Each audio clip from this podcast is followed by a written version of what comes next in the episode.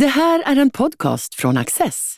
Du hittar fler av våra program på access.se och på Youtube. Mycket nöje!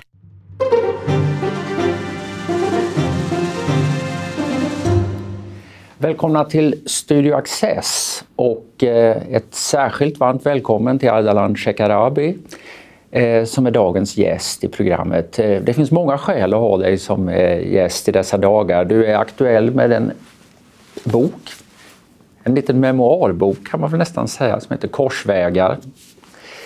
Och där, skriver, där relaterar du ju bland annat till din bakgrund i Iran och ditt intresse för Iran och, det, och Iran och det som händer där just nu är ju en annat viktig fråga att diskutera.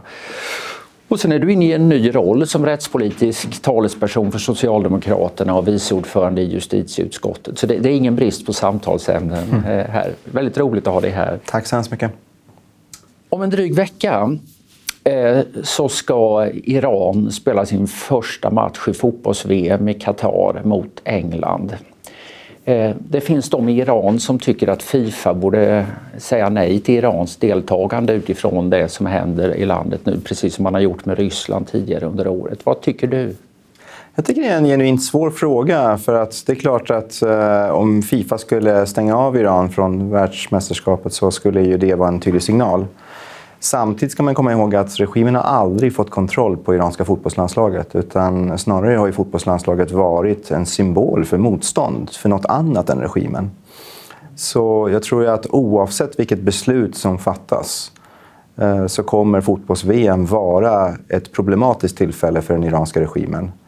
Det är väldigt många fotbollsstjärnor under de senaste veckorna som har uttryckt stöd för demonstrationerna. Flera har blivit arresterade, flera har fått utreseförbud. Och de stora giganterna i, svensk, eller förlåt, iransk fotboll, eh, som Ali Dai, den stora hjälten då från, från VM 98, har ju till och med varit aktiva i, i kampen mot regimen under de senaste veckorna. Så jag tror att, att regimen har svårigheter med hur den ska hantera eh, överhuvudtaget idrottsevenemang. Eh, för varje gång det har varit eh, eh, mästerskap i utlandet under de senaste veckorna så har ju iranska idrottsmän använt det som ett tillfälle för att protestera. Nu senast var det iranska strandfotbollslandslaget som, som agerade väldigt tydligt mot regimen då i samband med mästerskapen som, som pågick i Dubai. Så jag hoppas att, att det blir ett tillfälle för att dels uppmärksamma eh, det som händer i Iran just nu och regimens eh, repression. Eh, men också att, att fotbollsspelarna använder det här tillfället, om de nu får spela, att, att sprida budskapet från det iranska folket. Jag såg att engelska eh, tidningen Observer hade pratat med någon supporter i Teheran som sa att det här är inte Irans landslag, det är den islamiska statens landslag och var väldigt kritisk. Så att säga. Men du menar att det är inte en allmän uppfattning? Nej, jag tror inte. Däremot så, så, är det ganska många som ändå landar i slutsatsen att i det här läget kanske det är ännu bättre markering om man stänger av laget. Mm. Eh, men iranska landslaget har regimen aldrig fått eh, kontroll på. Jag skriver det i boken ju att i samband med fotbolls-VM 98, eh, första gången som Iran fick spela i VM efter revolutionen, då, så var det uppenbart att fotbollslandslaget var symbolen för ett annat Iran. Mm. Eh, ett, ett, Iran som inte har med, med den islamiska fundamentalismen att göra. Och jag var ju på plats i Frankrike under fotbolls-VM och då mötte jag fotbollssupportrar från Teheran och Tel Aviv som hade åkt för att heja på det iranska eh, landslaget. Så det är en symbol för för allt det som den islamiska regimen inte står för. Och 2009 spelade man i någon berömd landskamp med gröna armbindlar som då var den färg som symboliserade motståndet emot eh, regimen. Vad hände med dem när de kom hem? Eh, de fick problem. Eh, nu var det inte alla spelare som, var, som deltog i den aktionen utan det var framförallt de utlandsbaserade spelarna som gjorde det. Men generellt sett när spelare eller när idrottsutövare, landslagsmän Eh, deltar i den typen av protester så får det ju konsekvenser. Det här är en extremt brutal regim. De har en, en eh, apparat för att kontrollera alla de som har möjligheter att, att, att eh, eh, göra den iranska rösten hörd i omvärlden. Så att alltid när, när det görs den typen av aktioner så får det allvarliga konsekvenser.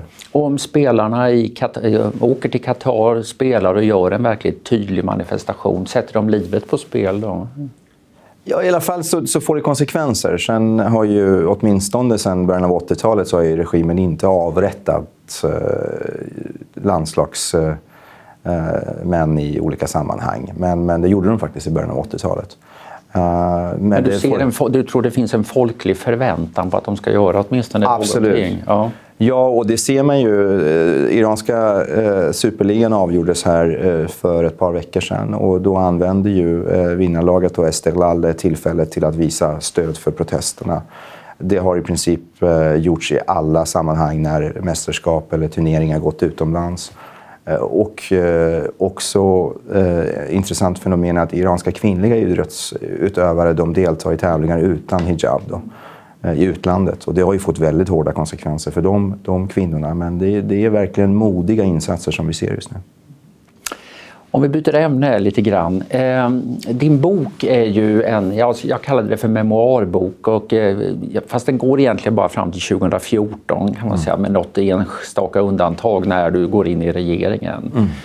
Och, eh, du är född i Manchester i, i England eh, 1978. Och 79 så är det revolution, shahen eh, lämnar landet och dina föräldrar bestämmer sig för att det är dags att åka hem till Iran. När började de tänka att det här kanske inte var något vidare bra beslut? Tyvärr ganska snabbt. Eh, revolutionen segrade ju i februari 79 och sen var det ett en maktkamp mellan februari 79 och, och sommaren 81. Mellan fundamentalisterna och kanske lite mer moderata krafter eh, inom revolutionsgänget. Mm. Men sommaren 81 så tog fundamentalisterna över och, och inledde en extrem egentligen utrensning i det iranska samhället med tusentals avrättade och väldigt många arresterade.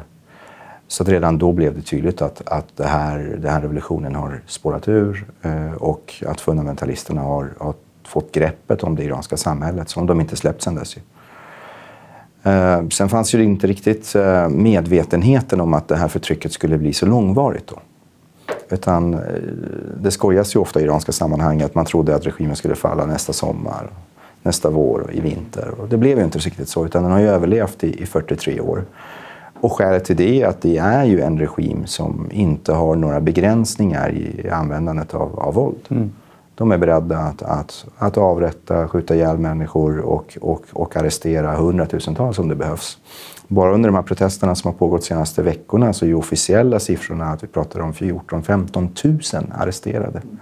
Officiella siffrorna, eller de som är bekräftade, verifierade, så pratar vi om eh, minst 300 döda, men det är betydligt fler som har dödats alltså av regimen under de här veckorna. Så att den har också förmågan och våldskapitalet att, att, att, att förtrycka hela befolkningen. Det som dock har hänt under de senaste åren, framförallt eh, sedan 2017 och framåt, är att regimen har förlorat sin folkliga förankring. För i början så hade ju regimen ganska stark ställning i, i delar av det iranska samhället. De mer konservativa, de mer religiösa delarna av det iranska samhället.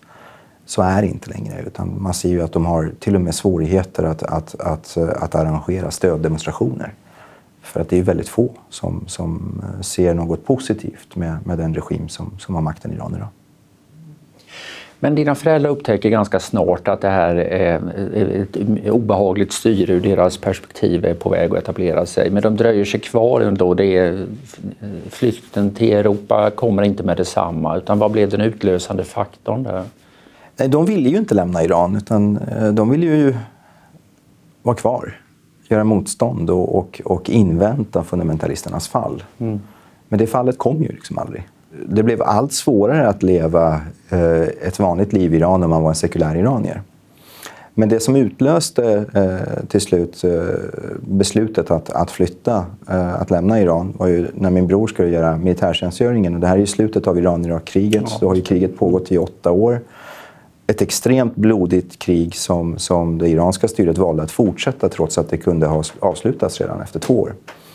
Och I slutet av kriget så hade ju Iran i princip inga vapen kvar. Utan det som var regimens vapen det var soldater som skickades till fronten och fick springa på miner.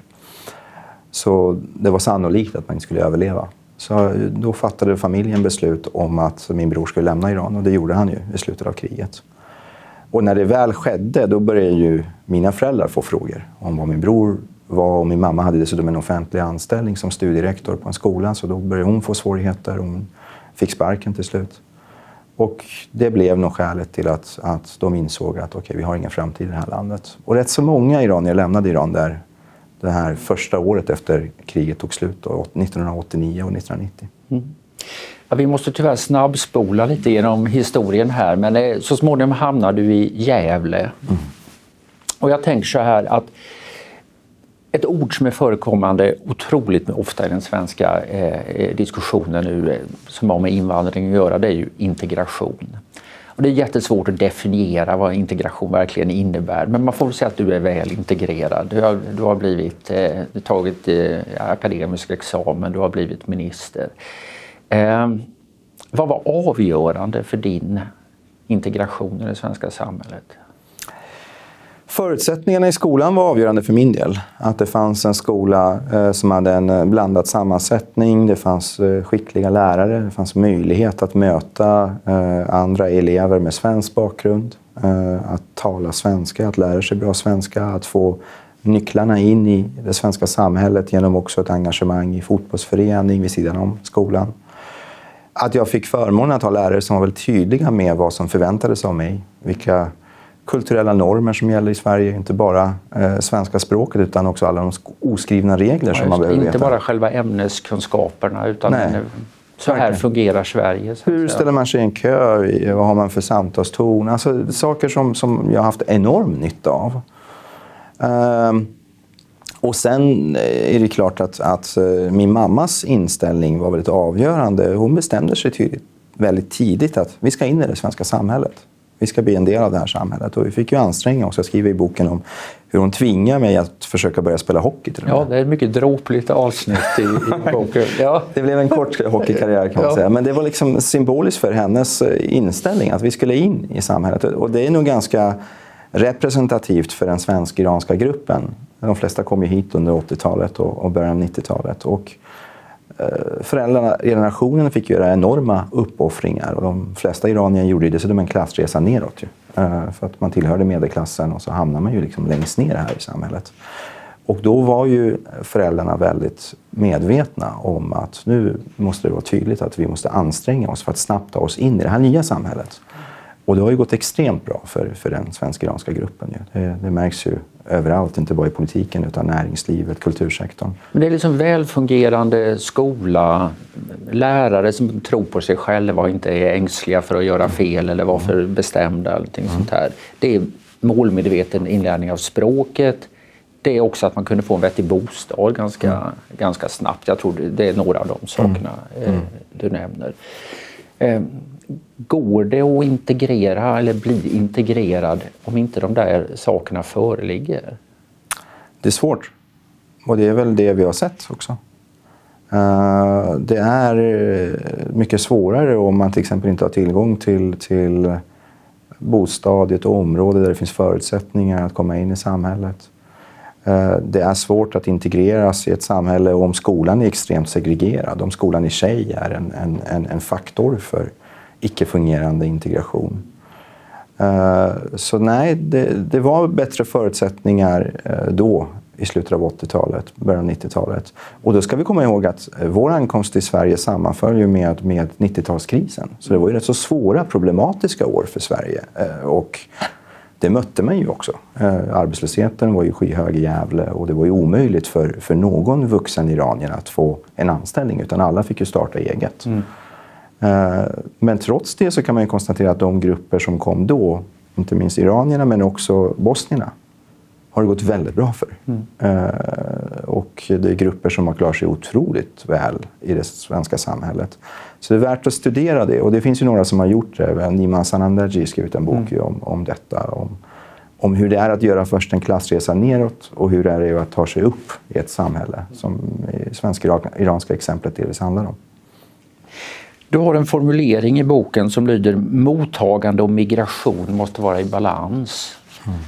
Lite mer hårdkokt skulle man kunna säga att ett land kan, bör inte ta emot fler invandrare än vad man kan lyckas inlämna i samhället på ett bra sätt. Mm. Eh, och eh, det här är ju fortfarande inte helt eh, okontroversiellt eh, ställningstagande, eh, även om det har blivit mycket mindre laddat. Men var, varför tog det så lång tid? När man läser det nu så känner jag ja, det är ju självklart.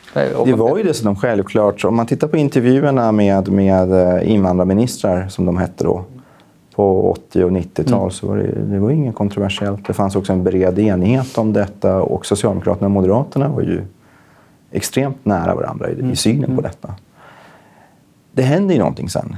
Uh, eh, 00-talet egentligen uh, börjar, börjar migrationsdebatten förändras. Mycket handlar ju faktiskt om en motreaktion mot Sverigedemokraterna. Uh, det är ju också speciellt att det parti som liksom har en invandringskritisk ingång får ju motsatt effekt på de andra partierna. Mm. När Sverigedemokraterna kom in i riksdagen då 2010 då blev ju de andra partiernas reaktion att nu skulle vi gå ihop och stå upp för en mer liberal migrationspolitik. Den dåvarande regeringen gjorde ju upp med Miljöpartiet och Socialdemokraterna kritiserade ju inte detta heller om man ska vara ärlig. Ehm, så det är ju det är intressant att det kom ett skifte som sen fick eh, rätt så stora konsekvenser för, för integrationsmöjligheterna. Sen är ju inte bara volymen problemet, utan det är också eh, fördelningen inom landet. För om vi jämför oss med Tyskland, som har haft en liknande situation, även om mottagandet inte varit lika stort i relation till befolkningen, så har de haft ett stort mottagande. Men där klarar de i alla fall av att, att fördela mottagandet mer rättvist och därmed skapa förutsättningar för bättre integration. Här var det ju, ja, det var ju i praktiken Migrationsverkets upphandlingar som fick avgöra väldigt mycket var människor hamnar först. Och sen var det ju lediga bostäder som fick vara eh, det avgörande var man hamnade. Och det innebar ju också att väldigt många nyanlända hamnade i arbetsmarknadsregioner där förutsättningarna att få ett arbete eller en, en, en relevant utbildning var sämst. Mm. Så fördelningen inom landet var ju också väldigt problematisk. Så sammantaget så innebär ju, innebar den, den migrationspolitik som, som etablerades från 00-talets början och som gällde fram till 2015, att vi fick ett mottagande som var ohållbart stort mm. och dessutom eh, skevt fördelat inom landet, mellan landets kommuner. Eh, och det, det är problematiskt. Dessutom har vi haft en, en, en, en en, eh, vissa grupper som har haft eh, betydligt lägre utbildningsnivå. Vilket inte riktigt går att jämföra då med till exempel mm. iranier eller bosnier som kom i början av 90-talet. Hur väl tycker du den här insikten har sjunkit in i, i ditt parti? Ja, nu är, nu är det ju nu ingen tvekan om... För jag såg Magdalena Andersson gjorde ju en uppmärksammad intervju i Expressen där hon eh, så att säga inte kritiserade eh, regeringens, den nya borgerliga regeringens eh, migrationspolitik. Och det där leder till kommentarer i liksom den socialdemokratiska pressen av typen “Bli nu inte SD-are Magda”. Vad fan håller du på med Magdalena Andersson i Värmlands Folkblad? Chockerande och obegripligt i, i dagens arena. Alltså att hon inte går till storms emot den här nya migrationspolitiken. Jag tror i och för sig den debatten handlar mer om specifika förslag som finns med i, i regeringsavtalet. Men min bild är att eh, brett i det socialdemokratiska partiet så finns det eh, en förståelse för och en, en, en vilja att, att stå upp för en mer stram migrationspolitik. Det har ett extremt starkt stöd bland de socialdemokratiska kommunpolitikerna som av naturliga skäl brottas med de, de utmaningar som, som, som, följer med en ohållbar migration. Eh, men det har också stöd av socialdemokratiska riksdagsgruppen och, och ledningen och, och därmed också, eh, de är representanter för ett partis medlemmar. Så jag tror eh, skiftet skedde i 2015, omläggningen av migrationspolitiken och, och den var delvis svår då. Eh, för det blev ju rätt så tvära kast i migrationspolitiken hösten 2015. Men eh, därefter så, så, så, har det socialdemokratiska partiet samlats kring eh, den mer egentligen klassiska socialdemokratiska migrationspolitiken som handlar om att inte vara där Sverigedemokraterna är. Jag menar, vår utgångspunkt är inte att all migration är dålig migration. Eh, men inte heller ha en, en orealistisk syn på, på migrationen utan utgå ifrån att vi måste ha ett mottagande som är i nivå med vår kapacitet att klara av integrationen. Det, det, gick bra i Gävle så småningom, men det var lite oklart i början. Eh, ni hade otur med tajmingen och kom bara några veckor efter att eh, regeringen Karlsson hade fattat det här berömda Lucia-beslutet.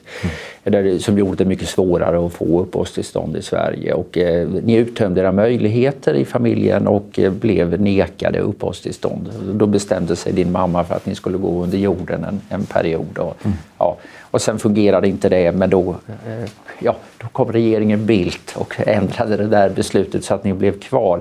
Men hur den är med den saken, så att säga, när du stöter på en familj idag, om du gör det i motsvarande situation, vad ger du dem för råd? Det är svårt att ge råd till, till människor som är i det utsatta läget. För, för är man, har man fattat beslutet om att gå under jorden för att undvika att, att skickas till det land man flytt ifrån så har man ju skäl till det självklart. Men, men vi landade i slutsatsen, min mamma landade i slutsatsen efter några månader att det inte gick att leva så. Så hon hörde av sig till, till polisen i Gävle och meddelade att vi skulle lämna Sverige och, och bad om möjligheten att få komma till Gävle och samla ihop våra saker för att lämna landet. Och sen hann det bli maktskifte under den tiden och, och regeringen Bildt och la om politiken och i den vevan fick många uppehållstillstånd och vi fick mm. då helt oväntat uppehållstillstånd och blev kvar av en slump. Vi hade faktiskt kanske kunnat uh, hunnit lämna Sverige, men, men det blev inte så. Men, men jag tror inte att det är hållbart att ha skuggsamhällen. Mm. Uh, och även om jag har definitivt förståelse för den situation som enskilda individerna är i. Det är ännu sämre att tvingas uh, hamna i det land som man flytt ifrån. Mm. Den bedömningen gör de människor som, som landar i det beslutet. Så kan vi som samhälle inte ha skugg, acceptera skuggsamhällen. Utan vår utgångspunkt måste vara att migrationen måste bygga på, på, på regelverket och det innebär ju också att, att, att vi har en reglerad invandring och därmed också en skyldighet för staten att säkerställa att de som befinner sig i landet lagligen har rätten att vara här. Även om det, det, det eh, på ett personligt plan kan vara svårt självklart. Det, har jag, det är ju ingen tvekan om att jag som upplevt detta, varit i den situationen, vet hur svårt det är att, att, att fatta rätt beslut i den utsatta situation som människor på flykt är i. Du är en av de ledande socialdemokratiska politiker som omnämns på det mest vänliga sättet av sina meningsmotståndare. Det, är, det, är, alltså det kom någon ledare från högerpressen, här, Svenska nyhetsbyrån, bara häromdagen att liksom fler borde vara som Ardalan Shekarabi och uppföra sig väl i politiken och vara artig mot sina meningsmotståndare. Så där.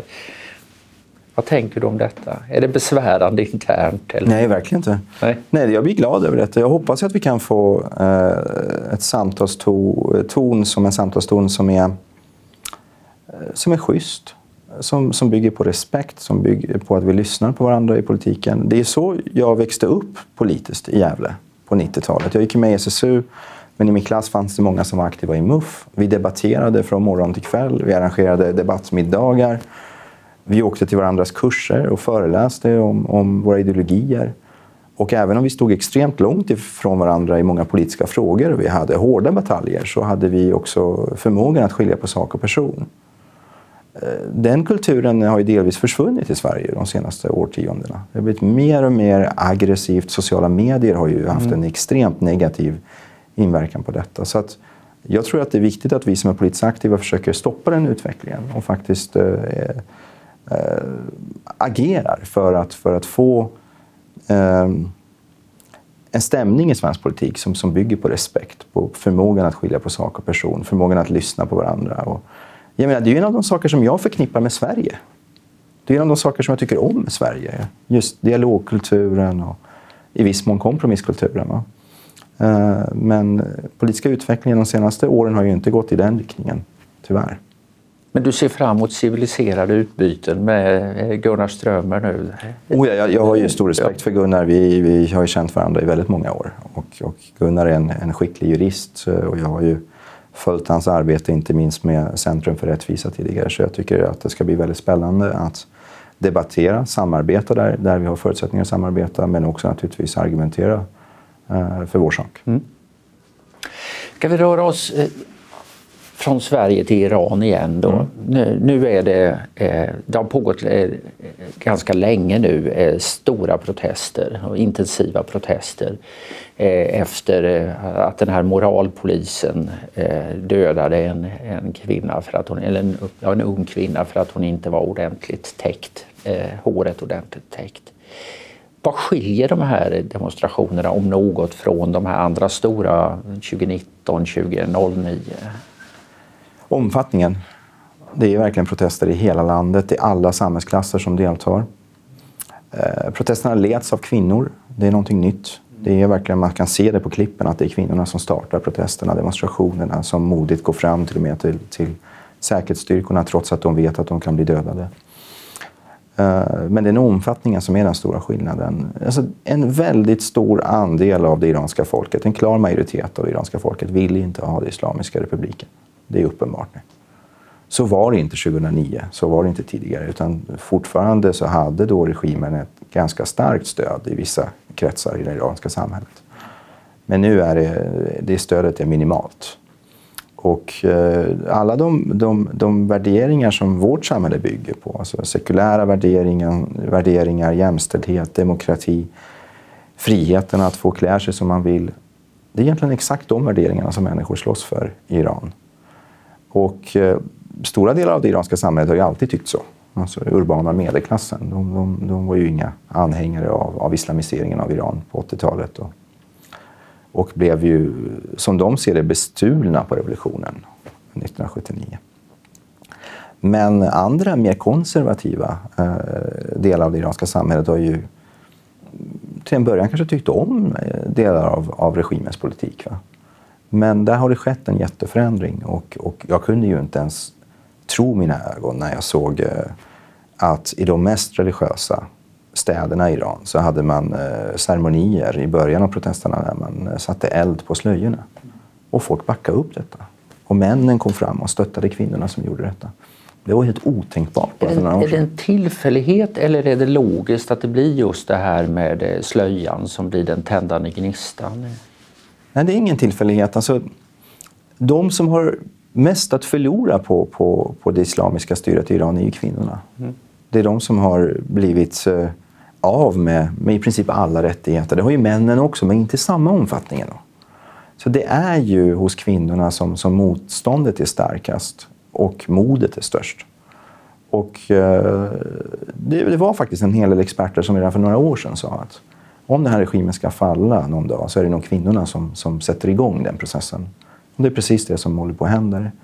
Sen finns det ju en besvikelse i Iran på, på omvärldens reaktioner. Alltså, många eh, tycker ju att omvärlden, den fria världen, ska ge ett större stöd till iranska folket, ett starkare stöd till iranska folket.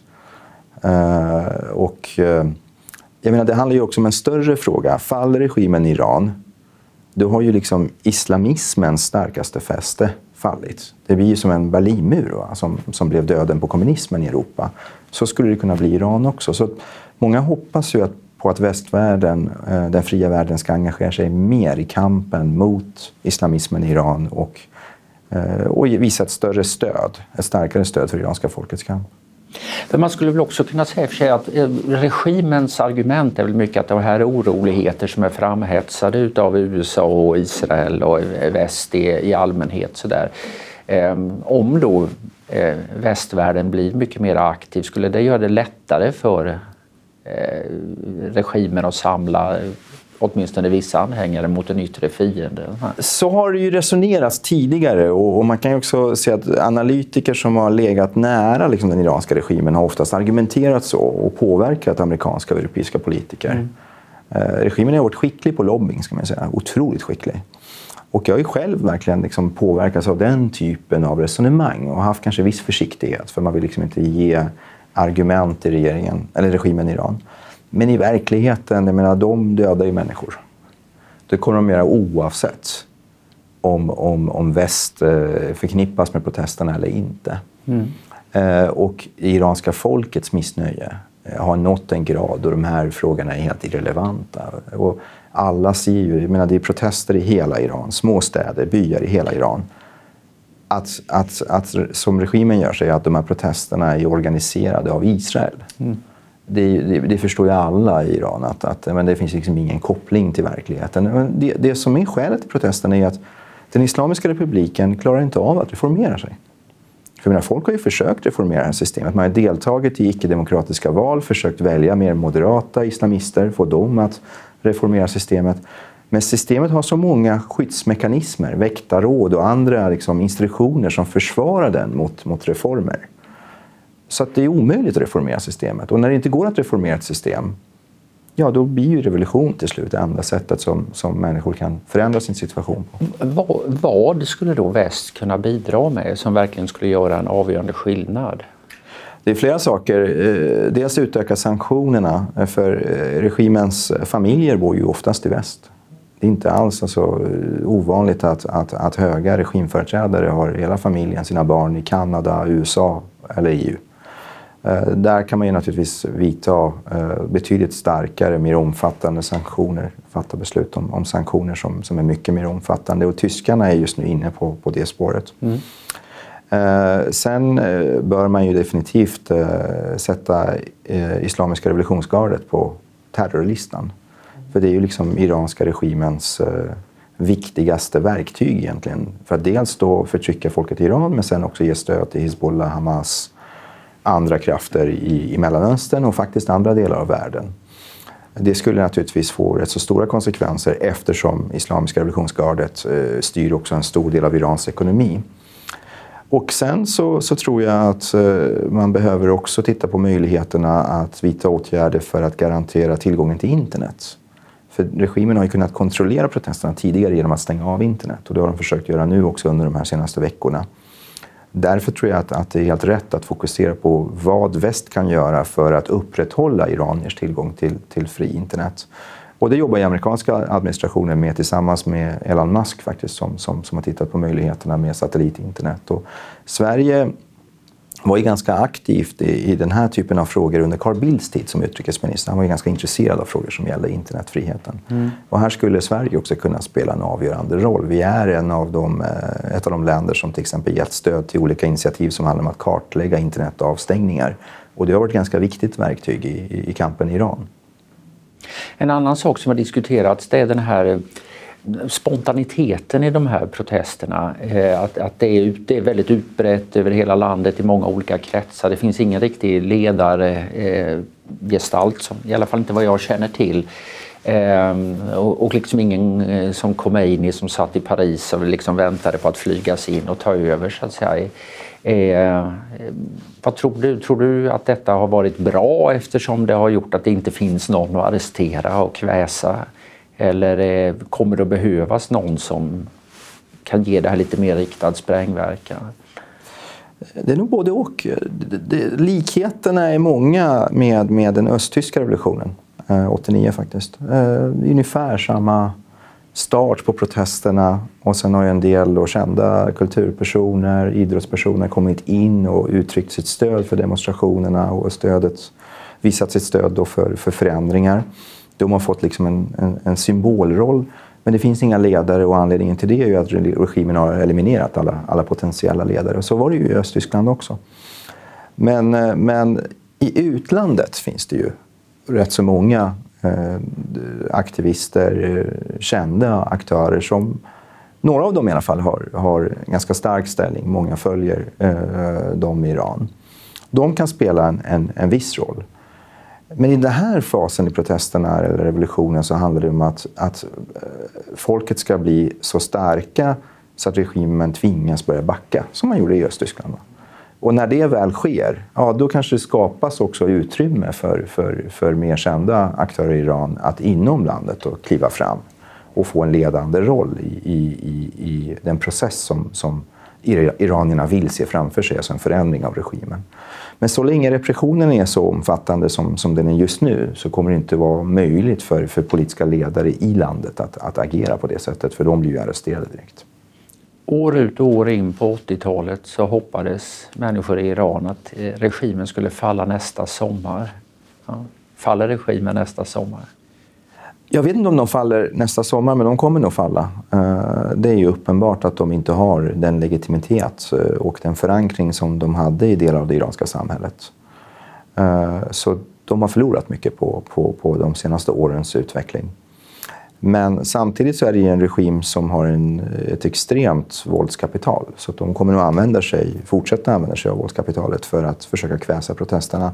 Men när man förlorat legitimiteten och förankringen på det sätt som, som man har gjort så, så är det svårt att på lång sikt upprätthålla makten. Det går liksom inte. Uh, så att förr eller senare så kommer den iranska regimen att falla. Eh, och det kommer vara bra för oss också. Det är inte bara viktigt ur ett iranskt perspektiv, för jag tror att det kommer få konsekvenser vad gäller islamismens styrka i världen. Jag tror att hoten mot, mot, mot friheten, mot den fria världen kommer minska eftersom det här är den islamistiska regim som är, som, som är den starka kraften eh, i den sfären och som ger stöd till islamistiska krafter runt om i världen. Ardalan Shekarabi, stort tack för att du varit här. Tack så mycket. Och tack till er för att ni har tittat. Du har just lyssnat på en podcast från Access. Du vet väl att vi också är en tv-kanal och tidning? Teckna en prenumeration idag på access.se.